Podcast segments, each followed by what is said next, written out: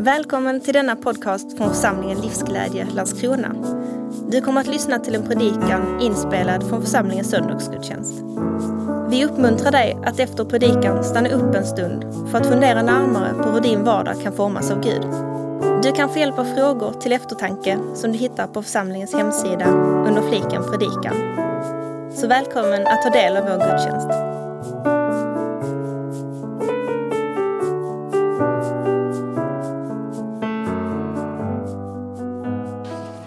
Nej då, det går bra. Alltså jag har liksom med mig rekvisita, jag brukar inte ha det. Känn er utvalda. Um, nu ska vi se, jag har en, det ser ni tydligt att det är en stor fet dörr. Den är inte jättestor, men det är en dörr. Ser ni den? Man lägger den där. Mm. Och så är det en eh, väldigt tydligt en hederstav. Ganska kort hede, men eh, ni ser att det är en stav. Den lägger vi, ja, vi lägger den där. Och så ett litet får som jag har lånat av min son. Så. De får stå där och så får vi se om ni kan klura ut vad det är för text vi ska titta lite närmare på idag. Eh, jag heter Maria. Jag fick en fin presentation innan. Jag har varit här innan några gånger. Jätteglad över att få komma hit igen. Jag tycker det är superkul att få besöka den här församlingen måste jag säga. Eh, och jag tänkte idag att jag skulle börja med en liten anekdot ur mitt eget liv. Eh, jag är gift med David. Snart kan du få ta första bilden här. Ja, ja du, kan, du kan få lägga på den nu. Jag är gift med David och vi lärde känna varandra väldigt tidigt i livet. Eh, när jag var liten så bodde jag i ett litet samhälle som heter Vriksta. Och eh, när man börjar sjuan så får man liksom byta från skolan i Vriksta till den stora skolan i den stora staden Sävsjö. Väldigt spännande, ja, en riktig metropol. Eh, och då börjar man ju på en ny skola och där lär man känna nya personer. Och för mig var det framförallt väldigt roligt att få liksom lämna de här bonniga pojkarna till de lite mer liksom coola stadskillarna. Eh, så att där lärde jag känna då min man David i sjuan.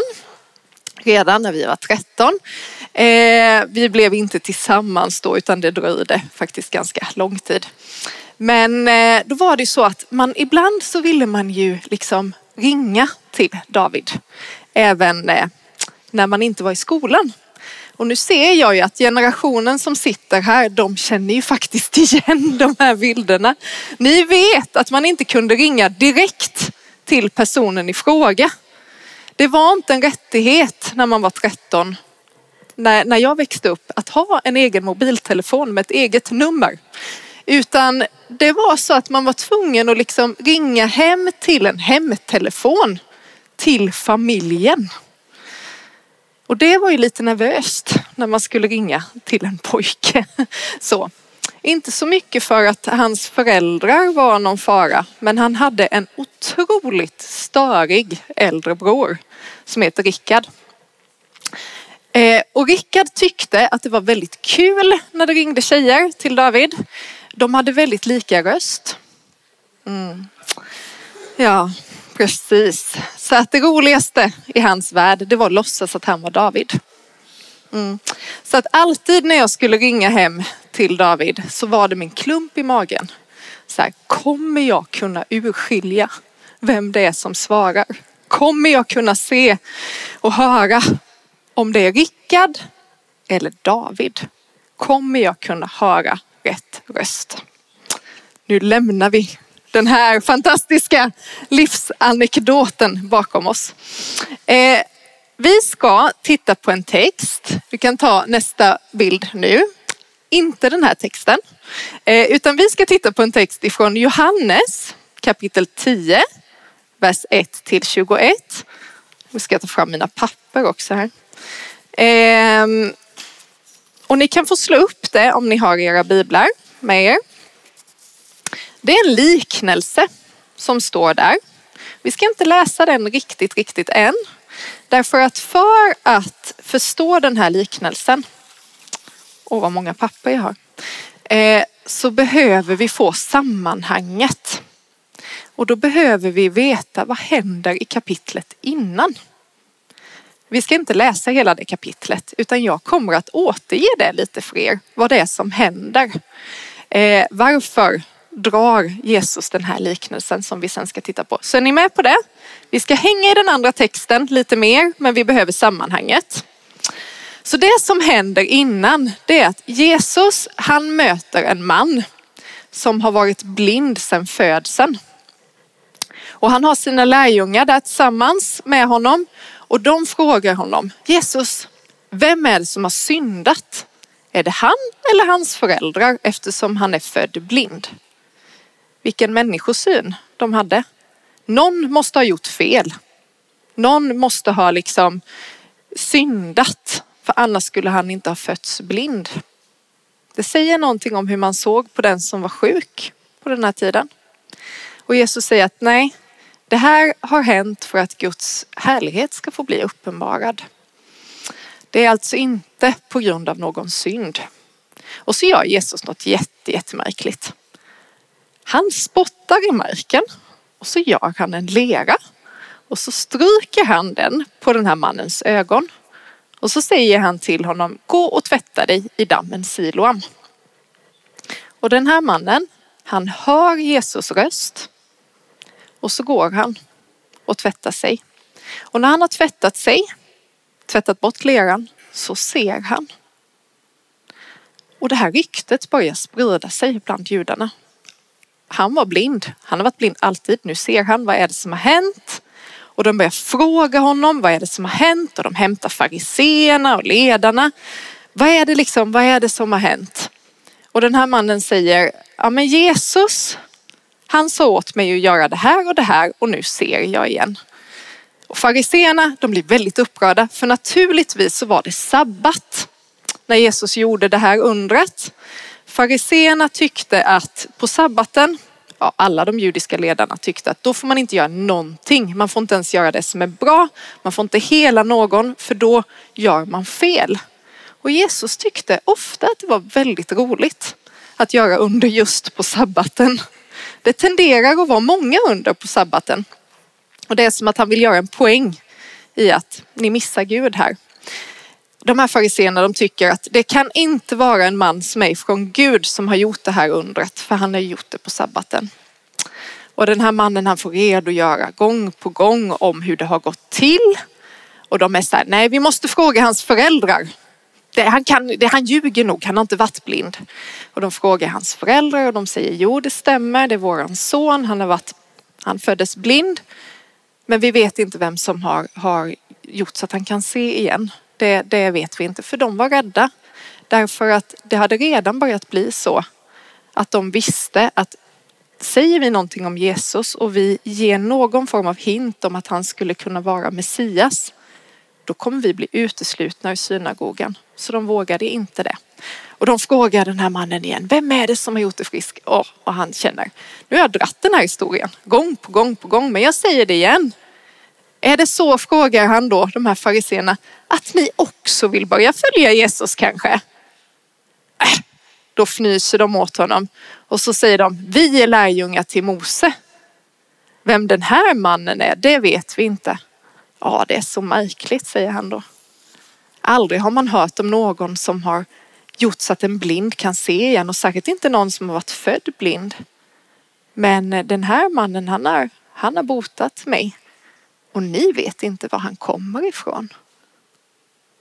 Och då, då blir de jätteupprörda och så kör de bort den här mannen. Och det får Jesus veta, så han söker upp den här mannen och så frågar han honom så här, tror du på människosonen? Och människosonen det var ett begrepp som vi hittar i gamla testamentet. Som man väntade på. Man väntade på att människosonen skulle komma och det var någon speciell Precis som vi vet att man väntade på Messias så vet vi att ja, men människosonen det är kopplat till någon speciell, någon som har med Gud att göra. Och han säger, den här numera seende mannen, säg mig vem det är så jag kan tro på honom. Det är jag, säger Jesus. Och då svarar han, jag tror. Och så faller han ner och tillber Jesus. Och då säger Jesus så här. Till en dom har jag kommit i världen. För att de som inte ser ska se och för att de som ser ska bli blinda. Då fanns det några fariseer där som var med honom och de hörde det och de sa Inte är väl vi också blinda? Och då svarar Jesus Om ni vore blinda skulle ni inte ha någon synd. Men nu säger ni att ni ser. Därför står er synd kvar. Och det är direkt efter detta som Jesus ger den liknelsen som vi ska titta lite närmare på nu. Precis. Och vi kan läsa det tillsammans nu då från kapitel 10. Vers 1 kan ni slå upp. Alltså, ni borde ha en bredare, vad heter det? Ni borde ha ett bredare stativ så jag får plats med alla mina papper. ja, eh, vi läser. Amen, amen säger jag er. Den som inte går in i fårfållan genom dörren utan tar sig in på något annat ställe. Han är en tjuv och en rövare. Men den som går in genom dörren är fårens herde. För honom öppnar dörrvaktaren och fåren lyssnar till hans röst. Och han kallar på sina får och nämner dem med deras namn och för ut dem. När han har fött ut alla sina får går han före dem och fåren följer honom därför att de känner igen hans röst. Men en främling följer dem inte utan flyr bort från honom därför att de inte känner igen främlingars röst. Denna liknelse framställde Jesus för dem men de förstod inte vad han talade om. Tycker jag är jätteskönt för jag fattar faktiskt inte riktigt heller. Så det är väldigt bra att det kommer en förklaring här nu också. Vi fortsätter. Då sa Jesus än en gång. Amen, amen säger jag er. Jag är dörren till fåren. Alla som har kommit före mig är tjuvar och rövare, men fåren har inte lyssnat till dem. Jag är dörren. Den som går in genom mig ska bli frälst och han ska gå in och gå ut och finna bete. Tjuven kommer bara för att stjäla, slakta och döda. Jag har kommit för att de ska ha liv, ja liv i överflöd. Jag är den gode heden. Den gode heden ger sitt liv för fåren. Den som är lejd och inte är en herde med egna får, han överger fåren och flyr när han ser vargen komma. Och vargen river dem och skingrar jorden. Den som är lejd bryr sig inte om fåren. Jag är den gode heden och jag känner mina får och mina får känner mig. Liksom fadern känner mig och jag känner fadern och jag ger mitt liv för fåren. Jag har också andra får som inte hör till den här fållan. De måste jag också leda och de kommer att lyssna till min röst. Så ska det bli en jord och en herde. Fadern älskar mig därför att jag ger mitt liv för att sedan ta det tillbaka. Ingen tar det ifrån mig utan jag ger det av fri vilja. Jag har makt att ge det och jag har makt att ta det tillbaka. Det budet har jag fått av min fader. För de orden skulle uppstå det på nytt delade meningar bland judarna. Många av dem sa, han har en ond ande och är från sina sinnen. Varför hör ni på honom? Andra sa, sådana ord kommer inte från en som är besatt. Inte kan en ond ande öppna ögonen på blinda. Yes. Jag tycker inte att den här liknelsen är jätteenkel. Ni kanske tycker det är klart och tydligt. Men jag har fått gå igenom den här liknelsen ganska många gånger och bara vad är det han menar? Vad är det han säger? Så jag tänkte att vi skulle tillsammans titta på det. Vad är det han säger här nu då? Han börjar med att tala om sig själv som dörren. Ja, det är en dörr. Det kanske inte är jättetydligt. Ni har den här också, den lilla dörren. Mm. Jag är dörren. Och så säger han att heden, det är den som går in genom dörren. De som försöker ta sig in till fåren på något annat håll, de är tjuvar och rövare. Och sen lite längre fram så talar han om sig själv som heden. Men först börjar han med att säga att heden behöver gå in genom dörren och han är dörren. Herdar i Bibeln eh, är också det ord som man använder för att tala om ledare. Både i gamla testamentet och i nya testamentet hittar vi den här kopplingen mellan herdar och ledare. Och jag skulle tippa på att Jesus faktiskt här ger en känga åt de judiska ledarna och talar till dem om att de har inte förstått att de behöver gå genom dörren som är han. Folket lyssnar inte på dem därför att de, de blir främlingar. De har inte fattat vem Jesus är. Och det är ju så tydligt när vi tittar på kapitlet innan. De har inte förstått. De säger att de ser. Och Jesus säger därför står er synd kvar. Ni har inte förstått vem jag är. Ni har inte tagit emot det. Och då kan ni inte vara herdar för folket. De hade inte lyckats bra med att vara ledare för folket. Som de hade behandlat den här mannen till exempel. Född i synd, föraktet. De var inga goda herdar. Jesus säger att han är dörren. Att den som går in genom dörren ska bli frälst, alltså räddad.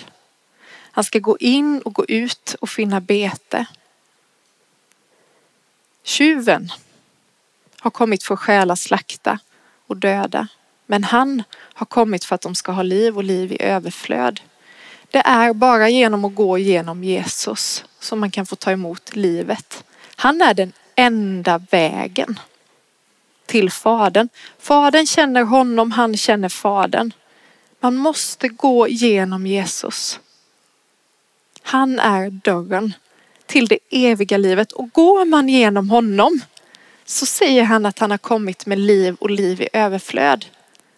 Man ska få gå in och gå ut och finna bete, få det man behöver. Han är dörren. Tjuvarna i den här berättelsen, jag vet faktiskt inte vilka Jesus syftar på. Och tjuven här. Men om man tänker på hur han använder det så är det, han kontrasterar det mot sig själv. Tjuven vill illa. Slakta, förgöra, döda. Men han, han vill ge liv och liv i överflöd. Det är poängen tror jag. Och sen fortsätter han och så säger han, jag är den gode heden som ger sitt liv för fåren. Jag tänker så här att Jesus använde i sina liknelser absolut ett vardagligt språk för att folk skulle förstå vad han talar om. Och de visste hur det funkade med herdar på den här tiden. Och om jag nu har fattat rätt, det här får ni försöka kontrollera själva. Jag har försökt söka lite och se hur funkade det med herdar på den här tiden. Och det verkar som att herdarna de vallade ju sina får under dagen och på natten så hade de sina får i en fårfålla, som var liksom uppstängslad så här. Men så var det faktiskt heden själv som funkade som dörr. Han la sig för att skydda fåren. Då blir den här liknelsen lite mer logisk tycker jag. När Jesus säger att han både är dörren och heden. Eftersom heden funkade som dörr. Men jag tror så här att om vi stannar vid att tänka att han bara tog någonting vardagligt så missar vi en jätteviktig poäng i den här liknelsen. Därför att herde, det begreppet, det hittar vi i gamla testamentet. Bland annat hittar vi det om Gud själv. Kung David i gamla testamentet som började som herde. Han har skrivit en av de kanske mest lästa psalmerna som börjar Herren är min herde, mig ska inget fattas. Gud är heden med stort H. Han är den heden. Och när Jesus säger jag är den gode heden så är det med ganska höga anspråk. Och jag tycker det är intressant om man kopplar till kapitlet innan. Vad gör den blinde, numera seende mannen när han har förstått vem Jesus är? Han faller ner och tillber, står det. Vem skulle man tillbe? Bara Gud. Och det visste han. Det finns ett högt anspråk här, kopplingen mellan Gud som den gode heden och som heden med stort H och Jesus som säger jag är den gode heden. Vi har också profetior i gamla testamentet som talar om en herde som ska komma. Bland annat så står det i Hesekiel 34 och 23. Jag ska låta en herde uppstå, gemensam för dem alla och han ska valla dem, nämligen min tjänare David. Han ska valla dem och vara deras herde. Vid den här tiden vet vi att David var död. Men vi vet också att Jesus, han kopplas till David på många sätt till kung David. Som kungen som skulle komma, det skulle komma en ledare lik David. Messias, den smorde, precis som David var den smorde. Också då heden, liksom David. Jesus är uppfyllelsen på den här profetian. Även i Mika, en profetbok i Gamla Testamentet, så står det så här i kapitel 5, 2-6. Men du Betlehem Efrata, som är så liten bland judatusenden, från dig ska det åt mig komma en som ska härska över Israel. Hans ursprung är före tiden, från evighetens dagar. Därför ska han överge dem fram till den tid då hon som ska föda har fött. Då ska de som är kvar av hans bröder få vända tillbaka till Israels barn. Han ska träda fram och vara en herde i Herrens kraft, i Herren sin Guds namns höghet. Och de ska ha ro, för han ska vara stor till jordens ändar och han ska vara deras frid. Så när Jesus säger jag är den gode heden så gör han det med stora anspråk. De hörde det, de visste det, de kände de här texterna. De visste vad det var Jesus sa om sig själv, att han är heden, den de hade väntat på, den som skulle komma. Och så säger han att den gode heden ger sitt liv för fåren. De lejda hedarna, de flyr. Eller hur? Det står det lite senare här. De, när, när vargen kommer, då flyr de. Och de lejda hedarna, vilka kan de vara i den här texten? Jag tänker att igen, här, här säger Jesus till, till ledarna att ni, ni har inte förstått det. Ni har inte förbarmat er över folket. Ni har övergett folket. Ni har inte varit goda herdar för mitt folk. Jag tror att det är i Lukas som Jesus, han tittar på folket och så säger han, han liksom drabbas. Och så säger han, de är som får utan herde. Det finns ingen som leder dem. Och det drabbar hans hjärta. Han är heden som ska leda dem. Och han är den som leder dem rätt. Vilka är då fåren i den här berättelsen? Det har jag klurat på. Vi kan ta, ja precis den bilden här. Ja, dels så är det ju det judiska folket. Det kan vi se i berättelsen. Men så säger också Jesus att jag har andra får i en annan folla som jag också ska leda. Och det här tycker jag är så fint. Därför här ser vi liksom att Jesus har inte kommit bara för att leda det judiska folket. Han har kommit för hela den här världens skull. Och jag skulle säga så att jag tror att vi alla är får. Och de får som är Jesus, som han är herde för, det är egentligen det är de som lyssnar på hans röst. Och som ser vem han är. Han har kommit för alla. Och jag tycker det är fantastiskt att vi har den här berättelsen om den blinde mannen och att Jesus inte botar honom direkt i berättelsen innan. Därför att han visar att han hör Jesus röst. Han var blind. Han måste lita på det Jesus säger. Och han går till dammen och tvättar av sig. Han ger en respons på det Jesus har sagt direkt. Han känner igen. Det här är Jesus röst. Jag ska göra som han säger. Han lyssnar till hans röst. Och för vilka finns Jesus? Jesus kom ju inte till dem som man förväntade sig att han skulle komma till. Han var hos dem som var slagna, hos de som var syndare. Han fanns hos de prostituerade. Han fanns hos de som drack alldeles för mycket. Han fanns hos den som verkade ha allt, men som saknade så mycket på insidan och som var ensam. Jag tänker på Sackeus. Han fanns där behoven fanns. Där behoven finns, där finns Jesus alltid. Där finns Jesus alltid.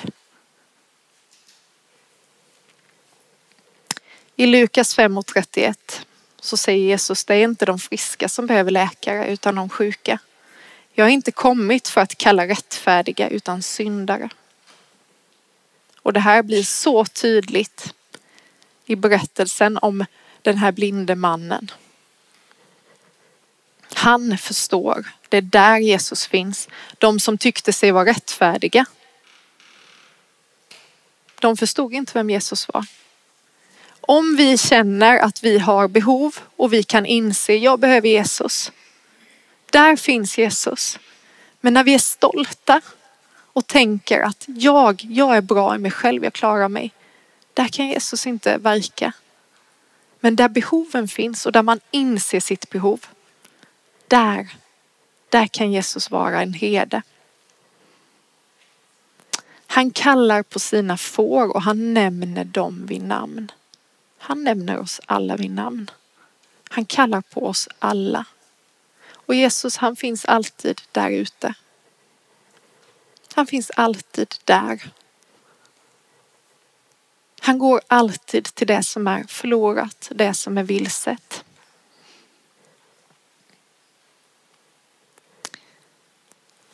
Och han kallar på dig idag. Om du inte känner honom än så ska du veta att han nämner dig vid namn. Och han kallar på dig. Han säger jag vill vara din herde. Jag finns här. Jag ser dig och jag känner dig. Och i Hebreerbrevet kan vi läsa idag om ni hör hans röst så förhärda inte era hjärtan.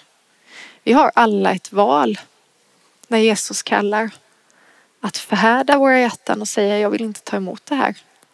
Eller säga ja, jag behöver dig Jesus. Jag vågar lita på dig. Han kallar på dig som kanske har känt hans röst men som har gått vilse. Du kanske har, känner så här att ja, men jag, jag, har, jag har hört den där rösten men det var länge sedan och jag har gått på avvägar. Då finns det en fantastisk berättelse i Lukas om herden som har hundra får och som lämnar de 99 fåren för att leta reda på det fåret, ett får som har gått vilse. Jesus går alltid till det förlorade. Han går alltid till den som är vilsen. Och han säger till dig, jag letar efter dig och när jag har hittat dig, då ska jag bära dig. Du behöver inte gå själv. Jag ska bära dig, jag ska ta hand om dig. Han är den gode heden som ger sitt liv för fåren. Han tar hand om fåren. Han skyddar fåren. Han visar omsorg. Till skillnad från de här judiska ledarna som bara hade hårda hjärtan mot de som behövde så visar Jesus att han finns där. Han kan förvandla, han kan förändra, han lindar om sår, han tar hand om. Men hur ska vi kunna urskilja då Jesus röst bland alla andra röster? Vi kan ta nästa bild. Eh, någon som koncentrerar sig hårt här. Jag hade lite svårt att hitta någon bra bild här. Hur kan vi urskilja Jesus röst bland alla röster? Jag vet inte hur du känner men eh, jag tycker att det är väldigt många som vill säga till mig vem jag ska vara, hur jag ska göra, hur jag ska leva för att må bra. Och även om jag har lärt känna Jesus röst så är det så många andra röster som låter hela tiden in i mitt liv. Och jag tänker på en berättelse ifrån början i Bibeln. där de första människorna, de kände Guds röst. De levde tillsammans med Gud i en fantastisk lustgård, Adam och Eva. Gud hade satt dem där, de hade relation med Gud, han talade till dem. Och de kände hans röst. Men så kommer det en annan röst. Ormens röst. Som talar lite sant, lite falskt. Som förvränger det Gud har sagt, som får människorna att tvivla på Gud och som får dem att tänka att ja, men vi kanske kan vara någonting utan Gud. Och de väljer att lyssna till den rösten. Fast de kände Guds röst så väljer de att lyssna till ormens röst och det får förödande konsekvenser. Och jag tänker så här att vi även när vi känner Jesus röst så behöver vi fortsätta. Fortsätta lära känna Jesus röst och se till att vi urskiljer Jesus röst bland alla andra röster som försöker tala till oss vilka vi ska vara och hur vi ska göra. Hur gör man det? Jag tror att Jesus vill tala till oss på många olika sätt. Han talar genom drömmar och genom tankar, genom bilder. Men vet ni, det finns ett jätteenkelt sätt om man vill lära sig lyssna till Jesus röst. Ibland får jag den frågan, bara, men hur kan jag höra Guds röst? Hur kan jag höra Jesus röst? Alltså, vi har ju Bibeln. Jesus har talat genom sitt ord. Han talar genom berättelserna. Han talar liksom på många olika sätt genom Bibeln och vi behöver läsa den. Vi behöver lära känna Bibeln. Vi behöver fylla oss med Guds ord, läsa berättelserna ensamma, tillsammans i gemenskapen. Det skulle jag verkligen vilja skicka med. Men läs Guds ord. Låt honom tala. Där känner vi Jesus röst. Där lär vi känna Jesus röst. Och vi behöver varandra för att urskilja vad Jesus säger. Han har satt oss att ta del av varandras liv och att vägleda varandra. Vi behöver andra fråga. Kan det här vara Jesus röst? hur ska jag urskilja?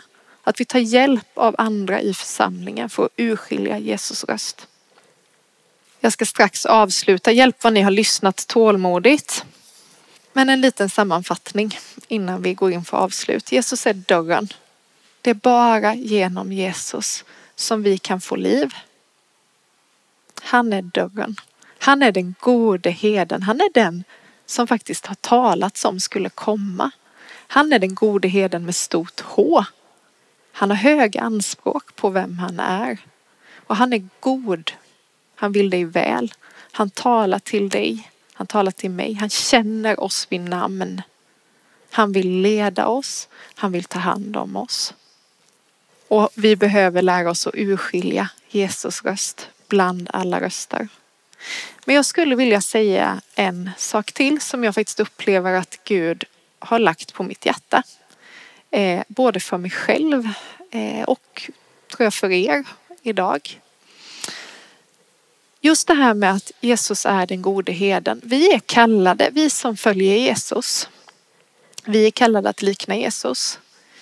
Eh, och när Jesus säger att han är den gode heden så är vi faktiskt kallade att också vara herdar. Eh, I Nya Testamentet så har vi det här ordet herde för, för ledare, pastor. Det betyder herde. Men jag skulle säga så här att jag tror att vi alla, alla, var och en av oss är kallade in i ett herdeskap när vi lär känna Jesus. I sista kapitlet i Johannes så möter Jesus Petrus. Och Petrus, han har, tycker nog att det är lite jobbigt när Jesus vill prata med honom. Det här är efter att Jesus har uppstått och Petrus, han har verkligen inte lyckats. Han har svikit Jesus fatalt i Jesus värsta stund under korsfästelsen precis innan så förnekar Petrus som har lovat att han aldrig ska överge Jesus. Han förnekar att han känner honom vid flera tillfällen. Och nu ska han ha ett samtal med Jesus. Jag kan bara tänka mig att han var nervös för det här samtalet och han skämdes. Jag tror att det var jättejobbigt för Petrus. Och så ställer Jesus en fråga tre gånger. Han säger Petrus, älskar du mig? Och Petrus svarar, ja, du vet att jag har dig kär. Och Jesus säger, far mina lamm på bete. Och så säger han igen, Petrus älskar du mig? Ja, Herre, du vet att jag har dig kär. Var en herde för min jord. Och så igen, Petrus älskar dig. Ja, du, älskar du mig mer än de andra? Ja, du vet. Du vet allt. Du vet att jag älskar dig. Var en herde för mina får. Förutsättningen för att Petrus skulle få bli en herde, vad var det? Att han älskade Jesus. Det var kärnan. Älskar du mig? Var en herde för mina får. Vilka var fåren han skulle vara en herde för? Absolut den församling som liksom kom att bildas. Men Jesus är inte bara en herde för de som redan känner honom. Han är en herde för dem som har behov, för de som finns utanför, för den som är vilsen. Och jag tror så här att vi alla har fått ett mandat att likna Jesus, att vara herdar för de som finns runt omkring oss. Vi kan ta nästa bild. Vi lever i ett samhälle som är så fruktansvärt vilset och som söker efter människor att följa. Hur många följer du på Instagram? Alltså vi har, det finns i oss, vi vill följa någon. Och det finns så många herdar idag som inte är goda herdar. Så många som inte har gått in genom rätt dörr och som inte kommer att finnas där för sina får när det verkligen gäller. Och jag tror så här att vi som känner Jesus, vi kan få vara herdar som pekar på den gode heden. Det är inte så att vi ska ta Jesus plats, absolut inte. Men vi kan få leda människor att upptäcka att Jesus är den gode heden. Vi behöver vara Jesus röst, tala hans ord. Vi behöver vara den som visar människor omsorg, som möter dem som ingen annan möter. Och jag tror att det faktiskt är, finns en uppmaning från Jesus att säga sträck på dig.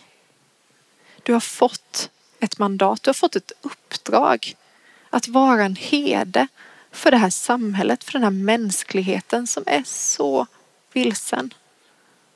Så det skulle jag vilja skicka med dig idag att fundera över. Vilka? Vilka kallar Jesus dig att vara en herde för? Bland dina grannar, i din familj, på din arbetsplats, kanske någon annanstans. Var finns behoven? Var finns den som är ensam?